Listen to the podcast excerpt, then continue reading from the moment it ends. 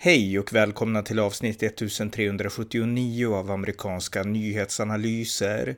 En konservativ podcast om amerikansk politik med mig, Ronny Berggren, som kan stödjas på swishnummer 070-30 28 95 0.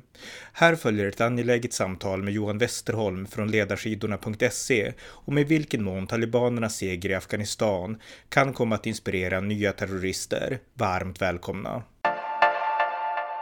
Johan Westerholm, välkommen. Tack. Eh, den stora nyheten de senaste veckorna det har egentligen varit Afghanistans fall och eh, talibanerna har tagit över där. Vad har du för tankar i allmänhet kring, kring det som har hänt i Afghanistan?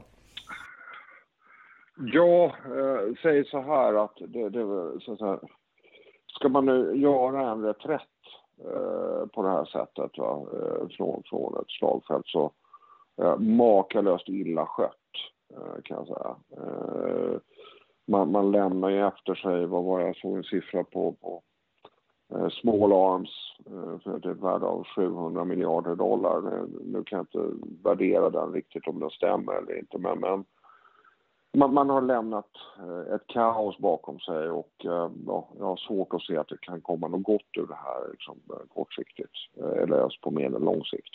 Mm. Uh, makalöst illa skött reträtt kan jag säga och överlag Eh, om man ska då vara lite, lite mer eh, eh, så att säga, försöka se en lite bredare bild och jag menar nu vet jag att du, så att säga, du har ju klara republikanska sympatier och det här men alltså otroligt olyckligt av USAs förra president Trump att binda sig så vid masten vid att säga eh, 2021 så, så ska USA vara ute. Jag menar en reträtt Eh, på det här sättet visar ju så alla, all annan erfarenhet och empiri på det här området att ja, det gör du när jobbet är klart. Va? Och då, du kanske inte ska kommunicera ett slutdatum eller ett slutår. Då, jag menar, då öppnar du ju dörren helt och hållet för ja, att rulla in och ta över det som finns och ta, ta över. Och sen kan man säga så här, tankarna kring, kring allt det här, jag menar väst, en samlad västvärld har ju faktiskt bäddat för den här situationen genom att tillåta den korruption som då har eh, präglat då eh, de här senaste 20 åren. Att inte ställa krav, alltså motprestation, alltså bistånd mot alltså en avkorrumpering av det afghanska samhället. Så det, det, det, finns ju då eh, väldigt mycket alltså väldigt, väldigt mycket att säga egentligen om hur de här 20 åren, hur västvärlden, vad västvärlden egentligen har gjort i ja. Afghanistan. Så det, det är väl mina tankar. Ja. Mm.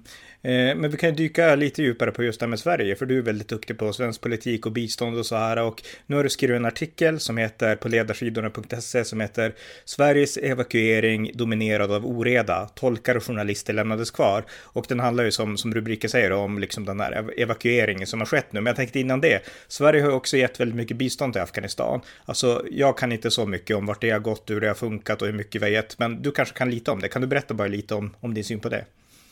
Ja, alltså, man kan säga så här att biståndet har egentligen varit eh, eh delat i två delar. Och den ena delen har fungerat och den andra delen har inte fungerat. Eh, och ska vi säga något positivt om den här delen, eh, eller de här delarna, så kan jag säga att den, den delen av biståndet som har kretsat kring Svenska Afghanistankommittén eh, har, har, den har fungerat bra, kan jag säga rakt av. Eh, Svenska Afghanistankommittén har bildades då 1980, i och för sig av, som ett rent vänsterprojekt och har varit på plats sedan 1982. Det vill säga även under den sovjetiska ockupationen. Man har alltså överlevt då i närmare 40 år i Afghanistan och hela den biståndsarbetet har gått åt att eh, ska då formulera ett lokalt ägarskap av då de skolor och av dem eh, eh, dels de skolor och dels eh, de eh, hälso eh, eller sjukcentraler, alltså mikrosjukhus då, som Afghanistankommittén har byggt upp tillsammans med lokalbefolkningen.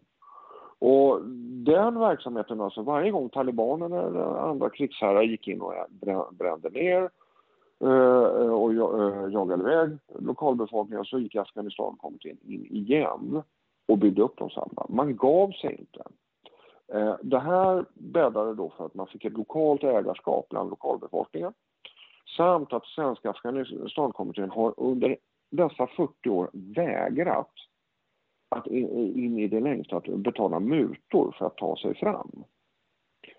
Eh, och det här är då eh, alltså en biståndssatsning som då i slutet nu eh, hade man 6 000 lokalanställda i skolor och på, på läkarcentraler.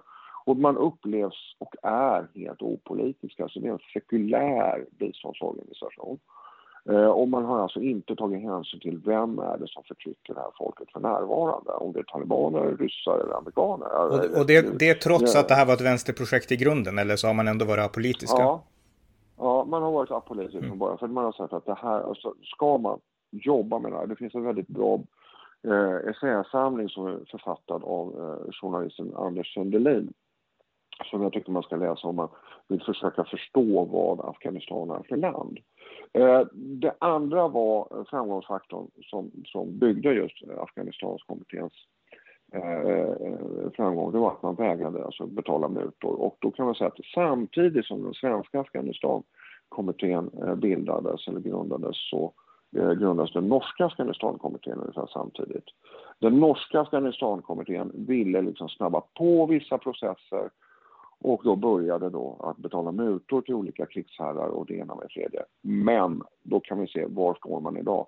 Den norska Afghanistankommittén har i praktiken ingen verksamhet alls längre. Alltså det, det är det här med att betala mutor är i, i den här typen av, av, av, länder är inte en framkomlig väg, även fast hela deras kultur bygger på mutor.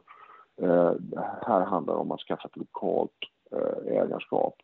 Det enda projekt som jag vet som Afghanistankommittén, Svenska Afghanistankommittén har misslyckats rejält med. Och det var eh, att man hade en kampanj Kasta burkorna eh, som riktade sig mot kvinnor. Och det, var ju, och det är också det enda projekt som Afghanistankommittén har tillåtit eh, eh, både före och efter eh, den politiska nivån att lägga sig i. Och där var alltså jämställdhetsminister Margareta Winberg som ville driva det här projektet och Afghanistankommittén gick med på det här men de, eh, de övergav det ganska snabbt och liksom tillbaka till kärnverksamheten. Bygg skolor, bygg distriktsläkarmottagningar. Det är där vi ska vara. Fixa rent vatten till befolkningen, necessities.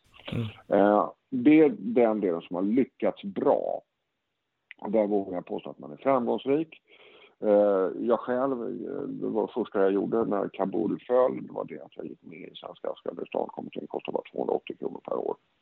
Eh, just för att alltså markera att jag tror på det här. Och det som inte har lyckats, och det är precis som allt annat bistånd, har väldigt oftast korrumperats sönder. Det är det, det bistånd som Sida har stått för, det vill säga demokratibiståndet. Eh, eh, det vill säga att man ska utveckla de demokratiska institutionerna och jag har inte mött ett enda demokratibiståndsprojekt som har varit lyckosamt utan det handlar i regel om att plöja vidare eh, alltså ett antal av skattebetalarnas miljoner in i, i, i olika eh, privatekonomier då, där nere. Då.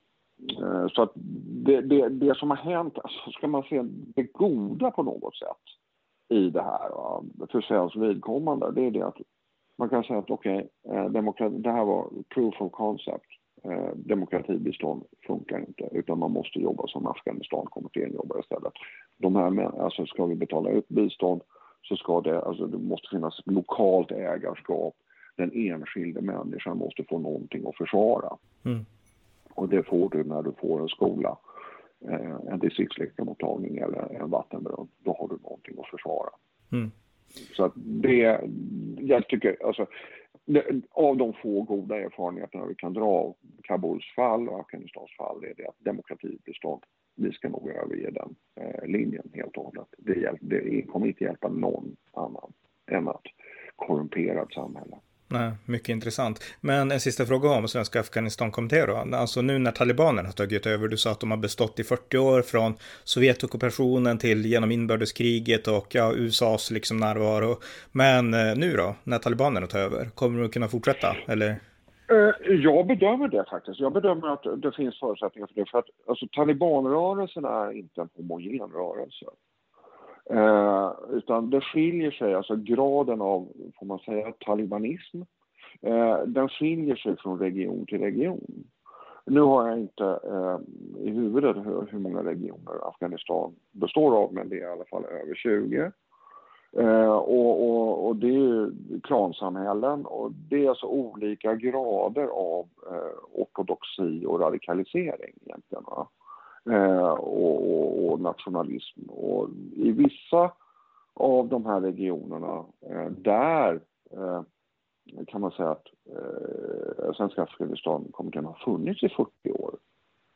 De talibanerna tror jag kommer passa sig väldigt, väldigt noga för att eh, sparka ut Afghanistankommittén. Vi pratar 40 år är i statsvetenskapen två generationer. Så där finns det ett väldigt starkt eh, lokalt ägarskap. Just det. Eller ja. Så att jag tror att, eh, jag vill slå ett slag för Svenska Afghanistankommittén. Jag tror att eh, eh de kommer kunna vara kvar. De kommer tufft och det är rätt hårdhudade biståndsarbetare här.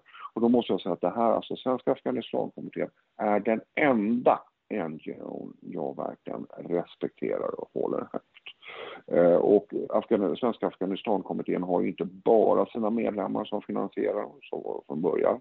Det är inte heller bara eh, Sida-pengar, svenska pengar, utan det är även då Världsbanken har gått in i och finansierat en hel del av de här projekten. Så de, de har en ganska bra, eh, ett bra, gott renommé, en bra finansiell bas och att Världsbanken har gått in det, är ju, det här är bara en liten killgissning, men jag tror den är ganska kvalificerad ändå. Det är för att man har börjat gå in och jobba med mikrokrediter för att få igång eh, eh alltså, eh, arbetsmarknaden. Mm. Just det. Ja, men det här var jätteintressant om just den biten. Om vi går vidare till din senaste artikel då som handlar om evakueringen och eh, då specifikt hela världen har evakuerat nu. Men Sverige har också gjort det såklart och det handlar om tolkar, journalister och annat. Men även om, eh, ja, afghaner på turistresor. Kan du berätta lite grann om hur tankegångarna gått utifrån din artikel och eh, vad du är kritisk till i liksom den svenska evakueringen nu från Kabul? Ja, alltså till att börja med så ser jag Alltså det, det är så starkt kritiskt mot, mot eh, eh, de här eh, med svenska resehandlingar som trots eh, eh, rekommendationen eller avrådan att åka till, till Afghanistan eh, och den som UD gav ut 2006. Så det är ingen nyhet att eh, man avråder, det säga reseförsäkringar och annat gäller inte. Men likt förbannat så åker man ner och hälsar på eh, familj, släkt och vänner. Eh, efter att man har då erhållit svenska resehandlingar. Och, och, det är ju alltså att sätta andra eh, i risk. Och det nummer tre är de som nu har fått svenskt medborgarskap och svenskt skydd en gång i tiden. Och då kan man tycka att eh, då kan de nu återvända till, till Afghanistan. Eh, så, så då, då, finns det ingen risk. Då saknas asylskäl för de som bara har fått ut eller ut. Eh, så det, det, är väl en tanke där och där tror jag att man måste se över regelverket överhuvudtaget till de här, eh, för de här migranterna som får asyl, att så fort de börjar resa tillbaka till sina ursprungsländer på olika typer av resor, då upphör eh, då dras flyktingstatusen tillbaka. nu har vi evakuerat dem trots att de har då motsatt sig, alltså de har satt sig över regelverket. De tar, till och med att den 3 augusti tror jag det var, då gick alltså ambassaden ut och sa att nu evakuerar ni som kan, alltså ni måste lämna Afghanistan och då var det fortfarande folk som, som bara sket i det. Och sen är vi kvar. Eh, och bara några veckor senare så, så, så följer Kabul och de regionerna följer som korthus eller dominopjäser. Eh, jag, kan, jag kan ha ganska starka synpunkter på Eh, eh, de här enskilda faktiskt, hur de har agerat. Eh, för de, de, varje person som väljer att trotsa, de sätter ju andra i ganska stor risk. Då, sådana som kanske inte kan lämna eller inte bör lämna eller skall vara de sista att lämna. Då pratar vi om MR, alltså de som jobbar med mänskliga rättigheter, journalister eh, och, och, och, andra då som, som måste vara kvar så länge som möjligt. Det är det här med resurser. Mm. Eh, så det är mina tankar kring det. Eh, sen tankar också hur den här evakueringen har gått till. Och nu skickade jag iväg ett citat här till, till nyhetsbyrån, till Kristoffer Janvall. Eh, för han bad mig också kommentera dagens artikel här. Att jag, det finns en, den, här, alltså den här evakueringen, jag har skrivit, beskrivit den på ledarsidan över två artiklar. Eh, och även Aftonbladet har, har fångat upp det eh, med en egen research eh, och även kunnat eh, presentera originaldokument. Eh, eh, och där är det så att evakuering, det som motsatte sig UD redan den 27 juli, tror jag det var, att ambassaden ens skulle börja planlägga för en evakuering. Eh, och det var ju då politiskt tillsatta tjänstemän, inte den politiska ledningen. Det här är alltså en viktig skillnad. Men, men alltså tjänstemän motsatte sig att man ens skulle från ambassadens sida börja planera för en evakuering. De sa att det, det, det ska vi inte göra alls. Och det här gjorde ju då att ambassaden och även nu, det stod alltså helt oförberedda de sista dygnens alltså ganska snabba utveckling. Det blev ganska klart att de här bataljonerna, det var ju bara spökbataljoner. Det var en massa folk som uppbar lön, men inte fan var de närvarande. Vilket då eh, snabbade på hela den här processen och inte speciellt många skott som avlossades. Eh, och det är andra skäl till det. Det, är liksom, det, det, alltså, det, det vittnar ju också om hur korrupt det afghanska samhället var. Att det fanns också att talibanerna eh, de är inte helt ovälkomna. Va? Eh, Magda Gad har ju beskrivit det här ganska bra. Jag har synpunkter ändå på en hel del av den rapporteringen men hon, där har hon beskrivit bra att det finns många afghaner som var väldigt trötta på den här alltså, jättekorruptionen i afghanska samhället där, där, där mycket av biståndet, demokratibiståndet, gick till eh, eh, alltså politiker och makthavare istället för att komma folket till gagn. Så det var ju därför, det är också ett av skälen varför det gick så fort. Eh, men där, där, där vill jag säga så, den här evakueringen eh, illa förberedd eller inte förberedd alls. Väldigt mycket blev improviserat. Och där eh, enskilda tjänstemän eh, på, i Arvsfurstens palats, eller då i, på UD då, eh, sitter alltså detaljreglerar vilka 1000, nu 1200 var det som skulle eh, evakueras och, och, och, och godkände namn eh, och, denom, eh, och, och sådana som man sa skulle evakueras, la sig i egentligen operativa beslut som skulle tas i Kabul eller av den grupp på UD som satt i deras motsvarighet till War Room där man försöker alltså dygnet runt sortera ut vilka är det som Sverige nu ska evakuera. Och det här visar ju nu när, när, eh, när de här nu har landat här i, Sverige. Dels två var dömda till vad jag förstod det som livstidsutvisning. De dök upp på Arlanda. Och nu sitter ju Migrationsverket som har reagerat starkt på det som UD levererade nu, alltså i form av vilka var det som kom hit. Alltså herregud, 90% saknar resehandlingar och har osäkra identiteter. Mm. Vi vet inte liksom alls vilka det är. Av de skyddsvärda, alltså som var, alltså inte skyddsvärda men som, som hade ett extra behov av skydd. Alltså tolka, tolkar och de som jobbar med mänskliga rättigheter? Ja. ja, tolkar, de som jobbar med mänskliga rättigheter där nere, samt journalister. Den gruppen, av de här 1200, så är det kanske max 50 i den kategorin. De övriga över 1100 har ingen susning om vad det här är för, för, för personer och eh, de beskrivningar jag har från Kabul, nu kan inte jag vara eh, detaljerad överhuvudtaget, men alltså UD hade ju då eh, eh, verkligen försatt de svenska soldater och svenska personal, ambassadpersonal och annat i en fruktansvärd situation eh, när, när man från UD lägger sig i beslut som de tar på marken.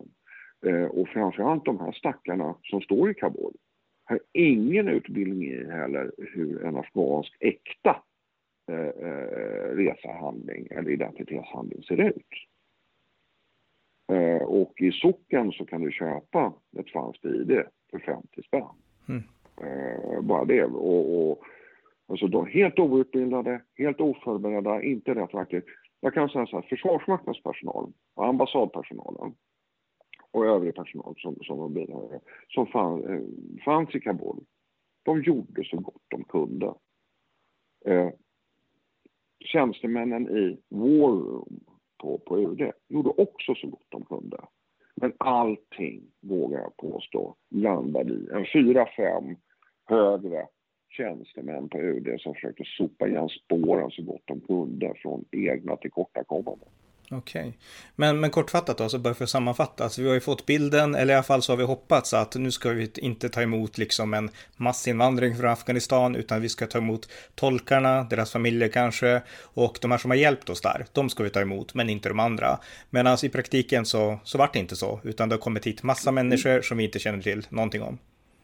Mm. Det, det, enligt mina kännare, alltså jag satt och jobbade till klockan ett i natt med den här artikeln. Och Alltså det, I och med att jag inte har några skriftliga urkunder så måste jag alltså, ta kontakt med alla mina källor som sitter så till eller sitter på de myndigheterna som är berörda. Va? Och alla gör samma bild. Alla gör samma bild. Att det här, mm. alltså, vi vet inte alls. Alltså den stora merparten, det behöver inte vara tusen personer, men alltså stora merparten av det här, alltså så är ingen susning av vad det var som kom egentligen. Utan 40-50 av den gruppen, det är de som högprofilerade och, och i Afghanistan. Så att där har det varit ganska lätt äh, äh, äh, att tolka som var kända av Försvarsmakten. Liksom att det där, ja men det är han, det är min gamla kompis från, från eh, BA-19 eller något sånt där eller vad, vad de nu kan heta, de här olika bataljonerna. Men, men här är det ju så att och även från media där nere som säger men det är hon som, som står här i afghansk tv och, och jobbar och debatterar. Det är hon som står här på Arlanda. Så det, det, liksom, men det var alltså 50 personer som man är säker på att okej, okay, där blev rätt. Eh, övriga, väldigt, väldigt osäkert. Och till och med så att en av mina eh, källor på Migrationsverket som sa att det vet vi sedan länge att 90 procent, så har det varit i alla år, 90 procent av de som kommer från Afghanistan, vi har ingen aning om vilka det är. Mm. Alltså det, undermåliga eh, resehandlingar, identitetshandlingar. Och det är också ett tecken på Liksom, det här är så alltså, det vi ser nu, det är ett kvitto på att alla de här miljarderna som vi har kastat in i demokratibistånd för att bygga upp en okorrumperad statsförvaltning, där har pengar i sjön. kan ju liksom inte ens liksom producera ett vettigt ID-kort. Nej.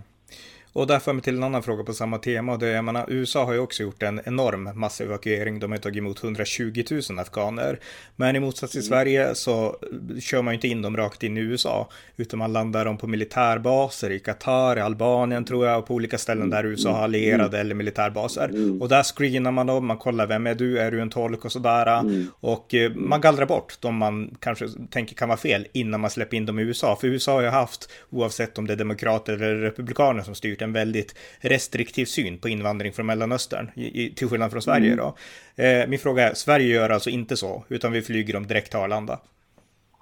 Ja, vi flyger dem direkt till Arlanda och 300 eh, är redan placerade i Stockholms stad. Eh, jag tror att det var Värnamo eller Jönköping var först ut och så har vi tagit emot två familjer. Det var väl eh, eh, väldigt snabbt fick man upp. Men vi, vi har ingen Eh, alltså vi har inte, eller en gång i tiden hade vi den strukturen. Alltså innan 2006. Med de mottagningscentra. Men eh, vi har inte den strukturen längre. Eh, utan de kommer till Arlanda och sen så blir de placerade i en ankomstkommun. Och vi har sex stycken ankomstkommuner i Sverige idag som har någorlunda resurser men, men de är så fullbelagda fortfarande så att vi måste alltså få ut dem i kommunerna så fort som möjligt. Och återigen, vi har inte en susning om de här kommunerna. De tycker jag faktiskt extra synd om nu. Eh, eh, för de, de, de har inte en blekaste, inte en blekaste av vad det är som kommer.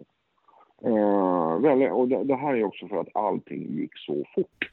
Mm. trots att ambassaden var helt på det klara redan i juni enligt mina källor, men i juli enligt de skriftliga urkunderna som Aftonbladet har fått tag i. Eh, alltså jag har tappat någonstans runt sex veckors förberedelsetid. Mm. Så vi, kan, vi har inte haft resurser att sätta upp det här överhuvudtaget. Ja, det... Lagstiftningsmässigt så är det möjligt att göra. Men alltså, det saknas personal, byggnader och, och rutiner helt enkelt att göra det. Ja, just det. Ja, det. För mig låter det katastrofalt. För menar, risken finns ju att det kommer in terrorister och sådana saker som, som vanliga svenskar kan, kan drabbas av på grund av sådana här beslut. Men, men det för mig över till den som jag tänkte skulle vara huvudpunkten i vårt samtal. Och det har att göra med, med just terrorism och sådana saker. Eh, nu ikväll i natt så, så stoppade polis på Nya Zeeland ett terroristdåd. Det var en person som gick omkring och högg människor med kniv. Ingen dog, vad jag vet i alla fall. Och den här personen vart ihjälskjuten. Han fanns på Nya Zeelands terrorlista och, och sådär. Och det här var en person som hade haft de här idéerna under lång tid. Man hade bevakat honom tydligen. Men min fråga är att talibanernas övertagande av, av Afghanistan, det har ju inspirerat, alltså de här flasharna öppet med sin identitet. De tycks inte vara rädda alls för väst och jag har läst om att Al-Qaida och jihadister från Mellanöstern och flockas nu till Afghanistan. Eh, så min fråga är alltså i vilken mån kommer talibanernas seger i Afghanistan att inspirera nya terrorister och kanske resenärer från Europa, Sverige och sådär? För jag menar, det var ju det som hände när Islamiska staten hade sin, nådde sin kulmen. Det var bara ju en hype även i Europa och många reste till kalifatet för att kämpa för dem. Kommer samma sak att ske nu i Afghanistan? Mm, ja, jag skulle säga att det är sannolikt, ja. Ehm, det, det har redan funnits sådana bedömningar. Jag läste någon här i morse eller i natt att liksom det här kommer att bli som en sockerbit åt alltså så flugor eller, ja, eller, eller, ja, eller skithög drar till sig eh, flugor. Ja. Mm. Eh, så att jag, jag, skulle säga att ja, definitivt. Eh, för, och där, där kommer de kommande veckorna egentligen ge oss indikationer på i vilken mån som det här kommer påverka eh, Europa i allmänhet och Sverige i synnerhet. Och vad jag tänker på det, det är också, också hur väst kommer att agera eh, eller förhålla sig till det här. För nu finns ju tecken på att det talibanstyre som har landat nu, de är ganska måna med att få en fungerande regering och få igång så att säga, eh, arbetsmarknad och ekonomi och alltihopa snabbt. Nu har de i och för sig drabbats av en brain drain Men som du säger, 120 000 har, har flytt till, till, USA då. Det vill säga stora delar av deras statsapparat har ju hunnit fly med, med adekvata eh, så att säga, funderingar på eh, är mitt liv värt någonting i talibanernas ögon. Eh, men alltså kan man Kommer den här talibanregimen då, eller talibanstyret kunna positionera sig som ett Alltså inte lika aggressivt eh, eh, för närvarande eh, islamistiskt alternativ. Och man får då några starka europeiska företrädare, och röster och rekryterare så kommer vi, kan vi nog se den typen av utveckling. Och det är därför USA är ganska måna om just nu att närma sig det som är en tänkt regering eller en tänkt ledare. Hur förhåller ni er till al-Qaida och Islamiska staten?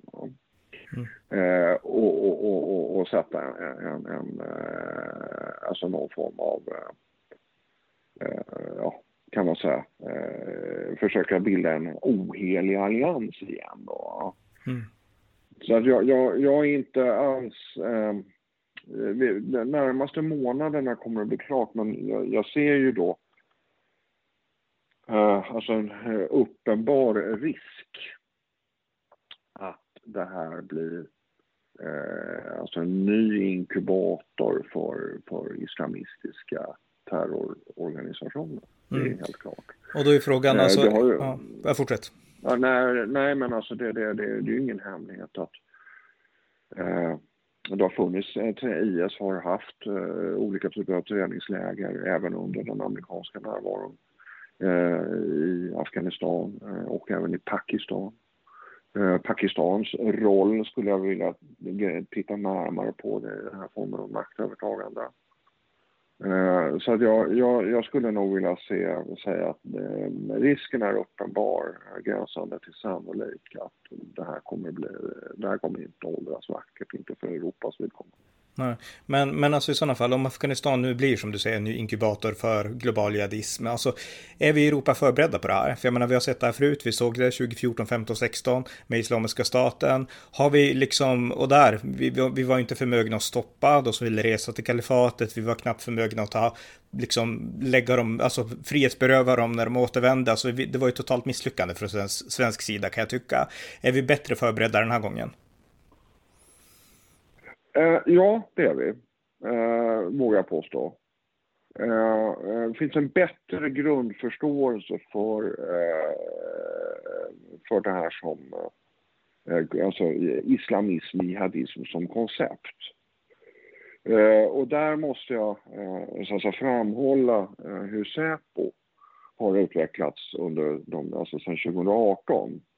Eh, Anders Thornberg, han var inte en oäven eh, Säpochef alls, eh, utan han gjorde så gott han kunde och, och eh, utvecklade den organisationen. Men den stora medvetenheten kring de här rörelserna kom med den då, tyvärr eh, i förtid avgångna eh, Säpochefen Claes Friberg. Eh, och det är sedan hans tid som man läser Säpos årsböcker eh, så har det skett en utveckling framförallt på den islamistiska sidan, alltså när han beskriver dem. Han beskriver väldigt mycket om det här, eller då, då Säpo beskriver väldigt mycket om det här med, med eh, alltså islamismen, eh, statsfinansiering, det vill säga att vi finansierar, Sverige finansierar de här islamistiska klustren med, med, eh, med vad ska vi säga, med eh, statsbidrag för ja, skolor och Eh, NGOer och civilsamhälle och sådana saker. Och där ser man att eh, Säpo har liksom utvecklat en bättre förståelse för de här miljöerna. Vi är några som har stått och skrikit in i det här, men de har tagit det till sig. Vi har också eh, att Säpo mm, grep den här Aborad, eh, imamen i Gävle och de här övriga fem radikaliserande individerna. Alla blev utvisade, en utvisade sig själv och den här, han, han försvann sen. Eh, så att det ärendet är avslutat. Men man, man har i alla fall gjort en rad med saker och nu är det då den nye eh, chefen var ju hans ställföreträdare von Essen, jag kommer inte ihåg hennes förnamn nu, men hon har alltså varit med honom, med Claes Friberg under hela den här resan sedan 2018. Så jag skulle säga att eh, vi är bättre rustade. Det, det, det bedömer jag att vi är. Men frågan är, är vi rätt rustade och är vi tillräckligt rustade? Det är två andra frågor som fortfarande inte jag har ett ordentligt svar på. Men att vi är bättre rustade, att vi har bättre förståelse för... Eh, eh och, det, och den här förståelsen, den finns också i en mycket, mycket vidare eh, eh, bemärkelse på andra myndigheter som Myndigheten för samhällsskydd och beredskap, Eh, Eh, vi har även eh, NOA, det vill säga eh, den vanliga uniformerade polisen, är bättre rustade idag än tidigare. Men frågan är sen, är det tillräckligt? Är det i tid? Och är det rätt eller är det adekvat? Det, det återstår att se. Men det är, för det är också, men det är en annan fråga. Det pågår även ganska kraftiga rörelser nu i den islamistiska miljön. Mm. Men det kan vi inte utveckla nu utan jag är inte riktigt klar med, eh, inhämtnings och analysarbetet. Nej, ja, men då har vi fått ändå en del mycket intressanta och relevanta svar. Så stort tack för att du ville prata med mig om det här Johan och eh, ja, lycka till. Tack så du ha och trevlig helg. Det var avsnitt 1379 av amerikanska nyhetsanalyser. En podcast som finns för att ge ett konservativt perspektiv på internationell politik. Stöd gärna på swishnummer 070-30 28 95 0 eller genom att via hemsidan stödja på Paypal, Patreon eller bankkonto. Det var allt för den här gången. Tack för att ni har lyssnat.